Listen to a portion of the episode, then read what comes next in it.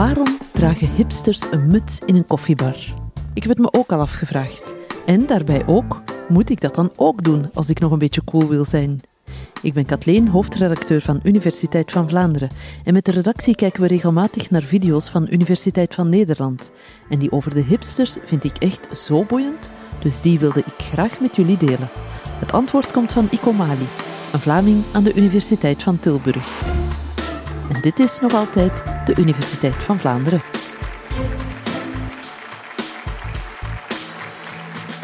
Waarom dragen hipsters een muts in een koffiebar? Om op die vraag uh, te kunnen antwoorden moet ik een klein omwegje maken. En dat omwegje start met de heel banale vaststelling dat mensen sociale wezens zijn. En als we dus gaan nadenken over identiteit, over een individu en hoe dat een individu zich uh, gedraagt, dan denken we altijd na over de relatie tussen individu en groep, een sociale groep. Identiteit. Identiteit staat in de laatste twee, drie decennia centraal in het politiek debat. En als we dat debat even gaan analyseren, dan gebeurt daar iets zeer vreemd. Identiteit wordt dan iets uitermate nauw. Identiteit is dan de nationale identiteit. Jullie zijn dan allemaal Nederlanders. Jullie delen waarden en normen die ik niet deel. Ik ben een Belg. We delen een stukje van de taal, maar toch ook niet helemaal. Jullie hebben een andere cultuur. Ergo, jullie hebben een andere identiteit. Wel, beste mensen, dat is een anachronisme. Dat kan politiek interessant zijn vandaag de dag, maar wetenschappelijk gezien, empirisch gezien, zijn we daar eigenlijk heel weinig mee. En dus wat ik vandaag uh, zal proberen voor te stellen, is dat we een nieuw paradigma moeten hebben. En dat paradigma heet superdiversiteit.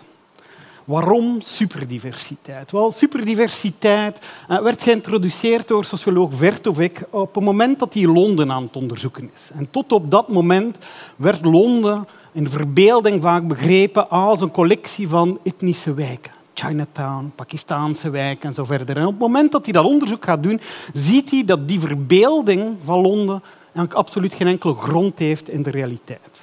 Dat die wijken veel diverser zijn. Hij stelt een diversificatie van diversiteit vast. Superdiversiteit en de super in superdiversiteit slaat dus niet op een normatief gegeven. Je moet diversiteit allemaal superleuk, tof, kijk, cool vinden. De super slaat op de super van supernova, supermarkt namelijk van een andere grootorde. Okay? We zien dus een diversificatie van diversiteit. Niet alleen op de klassieke criteria, etnische afkomst, nationaliteit, gender, seksuele voorkeur, geslacht, ouderdom en zo verder, maar ook op een hele reeks andere dingen die we blijkbaar niet relevant vinden hoe lang iemand leeft in een bepaald land, tot welke subculturen iemand behoort, welke ervaringen men heeft met administraties, welk opleidingsniveau men heeft, hoe lang men in een land is, of men daar blijft of enkel maar vijf dagen komt werken. Wel, al die dingen die schijnbare details zijn in het nationalistische paradigma, worden van wezenlijk belang. In superdiversiteit is de uitzondering de norm. Meertaligheid, interreligieuze koppels, transnationale levens, arbeidsmigranten zoals mezelf.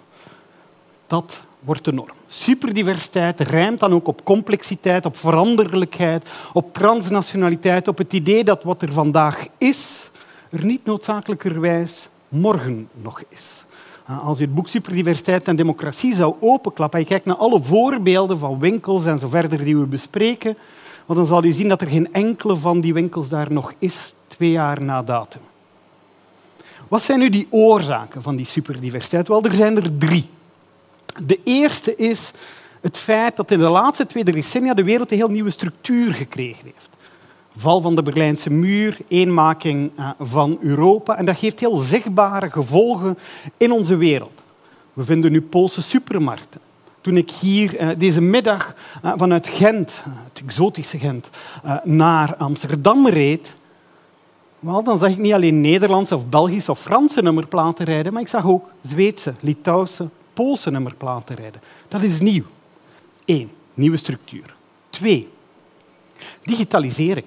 De komst van digitale media heeft een enorme impact op processen van identiteitsconstructie, cultuurproductie.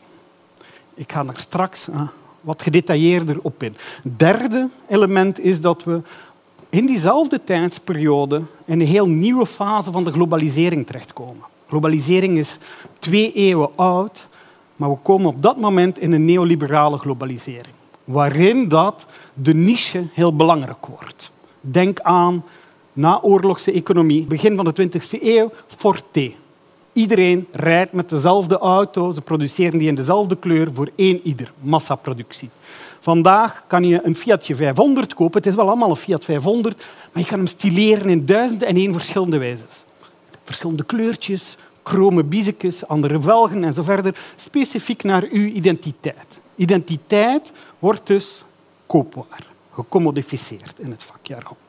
Laten we nu even kijken hoe dat die superdiversiteit samenleving gaat herscheppen. we gaan dat doen aan de hand van het klassieke criterium die we met z'n allen associëren uh, met diversiteit, nationaliteit. Wel, als we denken hier, Amsterdam, uh, een 160 verschillende nationaliteiten. In uh, Vlaanderen 180 nationaliteiten. In Nederland een 200-tal uh, nationaliteiten die leven op het grondgebied de, cijfers doen er niet zoveel toe, want bij momenten kan één iemand verhuizen en het nummer verandert. Hè. Dus sta u niet blind op cijfers, ook een gevolg van uh, superdiversiteit. Maar je ziet dus, heel veel verschillende mensen wonen in onze landen. heel vaak denkt men dan, ja, maar dat is een gegeven van die grootsteden, van de wereldsteden, van de Amsterdams, de Brussels. Maar dat gaat niet over uh, de kleine dorpjes die, zijn nog authentiek. Daar hebben we nog het echte Nederland of het echte Vlaanderen vast. Wel, laat me daarom u allemaal even meenemen naar de Belgische kust. Ik neem u mee naar Oostende, de koningin der badsteden. Stad is altijd een moeilijk woord natuurlijk. Vanuit een Amerikaans perspectief zou stad een dorp zijn.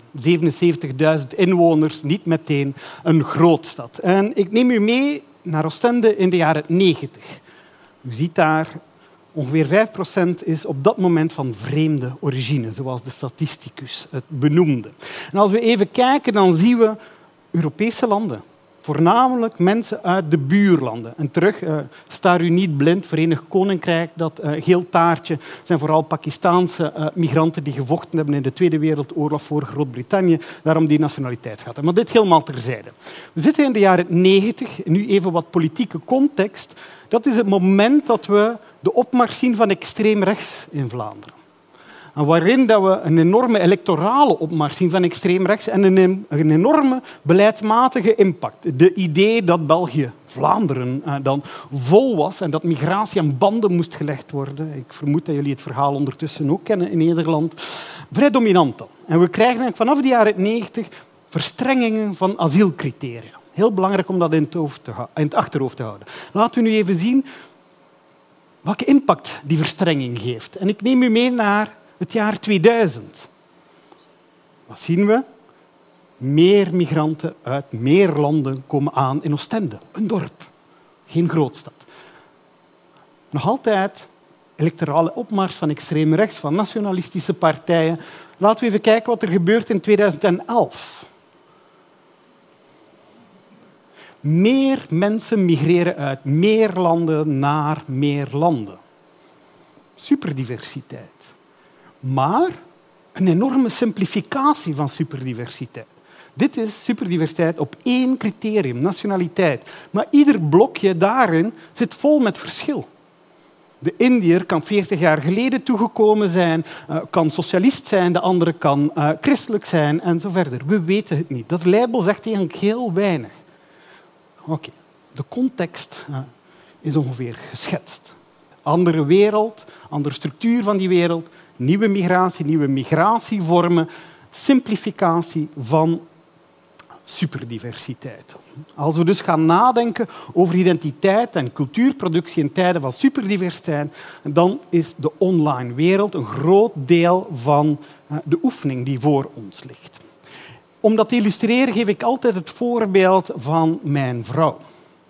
Bij deze, mijn vrouw is van Turkse origine. En toen zij in de jaren tachtig communiceerde met de analfabete grootmoeder in het thuisland, dan gebeurde dat door een cassetje op te nemen. U herinnert zich nog die kleine cassettes die je kan oprollen, die hipsters nu heel hip vinden, ook al is het niet functioneel, niet efficiënt en heeft het een ongelooflijk slechte klank. Wel, dat werd opgenomen aan de keukentafel. Dat werd op de post gedaan, twee weken. Een maand later kwam dat toe in Denizlee. Werd daar beluisterd, daar werd een antwoord opgenomen. En alle communicatie ging en weer. In het beste geval duurde dat een maand, in het slechtste geval twee maanden. En alle informatie, niet alleen over de persoonlijke uh, geschiedenis van de mensen, maar ook over de politieke situatie in het land, uh, de hippe sitcom van het moment, uh, wat cool was, hip was en zo verder. Alles kwam door dat cassetje naar het thuisland. Vandaag communiceert mijn vrouw constant met WhatsApp met familie in Denizlee, in Istanbul, in Oost-Vlaanderen, in België dus, in Nederland. En ze doen dat met mensen die geïnformeerd zijn door te kijken naar dezelfde kanalen. Ze kunnen naar het nieuws kijken online, ze kunnen kijken naar sitcoms, ze kunnen geïnformeerd zijn over mode en zo verder. Dat is wezenlijk nieuw. En het maakt dat ons leven transnationaal wordt.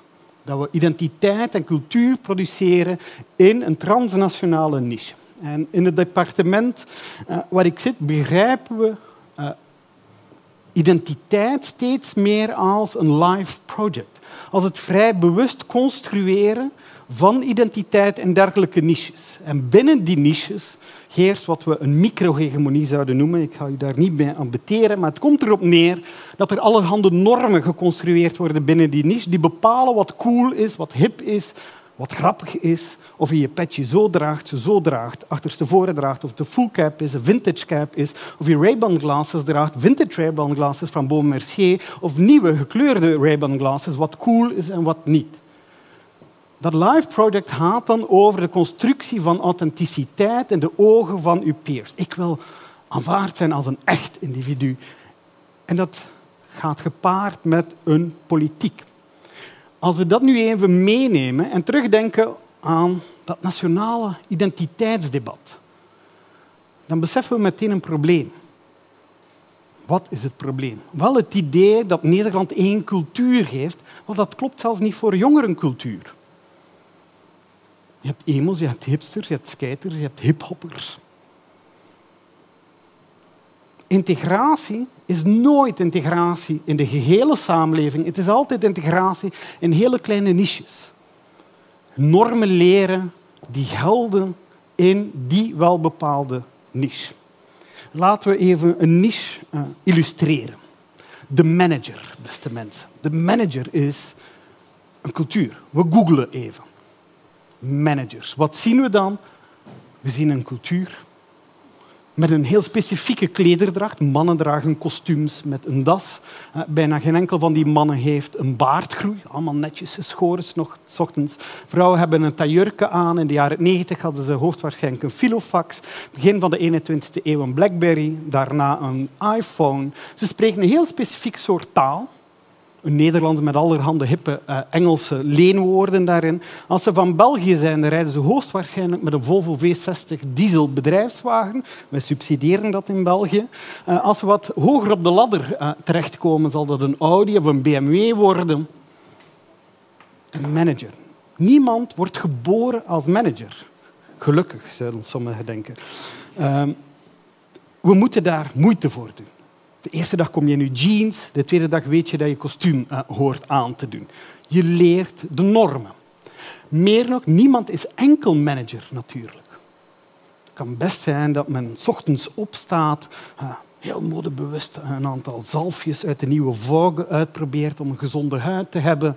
Uh, of je, als je curly hair hebt eh, van Instagram-groepen, je haar niet meer droog met een handdoek, maar met een t-shirt, want dat is goed voor je krullen. Vervolgens naar de ontbijttafel gaan, mama, papa zijn, maar ook heel overtuigd zijn en biologische uh, ontbijtgranen kopen. Je zit in met de duurzaamheid. Je wast je niet met een vervuilende scrub. Om toch vervolgens in die vervuilende diesel te kruipen, manager te zijn om vijf uur te stoppen met werken, die ripfluwelen broek aan te trekken, dat oud t-shirt van Pearl Jam aan te trekken, een echte grunger zijn, om even naar een concert te gaan met je uh, vrienden van vroeger.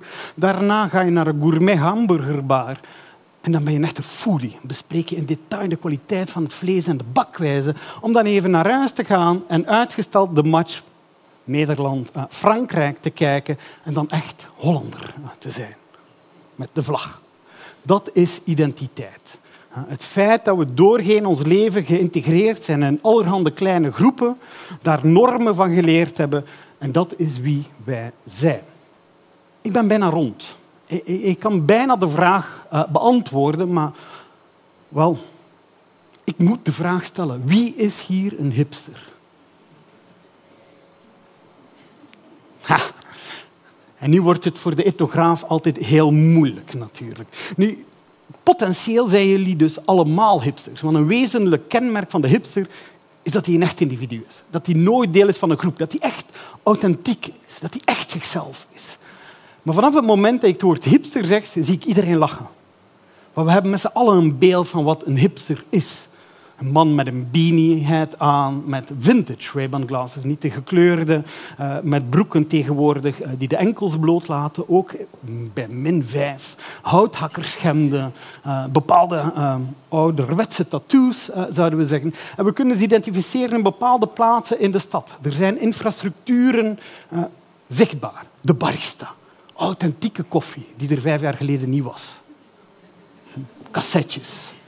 Voilà dat is enkel maar, de barista is enkel maar authentiek lokaal. Heel origineel. Hè? Daar kan je een koffie gaan drinken en je fiets laten vermaken. Een, een fictie, uiteraard. Want hipsters rijden met, eh, zonder versnellingen, uit principe, eh, uiteraard. Zeer authentiek, zeer origineel, het concept. Maar je vindt het overal in de wereld. Vanaf het moment dat je opschaalt, zie je dit in Gent, in Utrecht, in eh, Boston, vind je hetzelfde concept. Er is dus een sociale groep, ook al is er ontkenning van lidmaatschap eh, van die sociale groep. Waarom dragen hipsters nu een muts in een koffiebar? Of in colleges? Of in de auto? Dat is niet omdat de verwarming kapot is. Het is ook niet uit vergetelheid. Het is omdat het een wezenlijk onderdeel is van identiteitsconstructie. Het is een identiteitsembleem. Ze tonen zich als lid van een bepaalde groep. En het verklaart waarom de hipsters in Istanbul er zeer gelijkaardig uitzien als de hipsters in Amsterdam, in Gent of in Parijs. Zij hebben dus hoogstwaarschijnlijk meer gemeen met elkaar dan twee Nederlanders die hier vandaag naast elkaar zitten.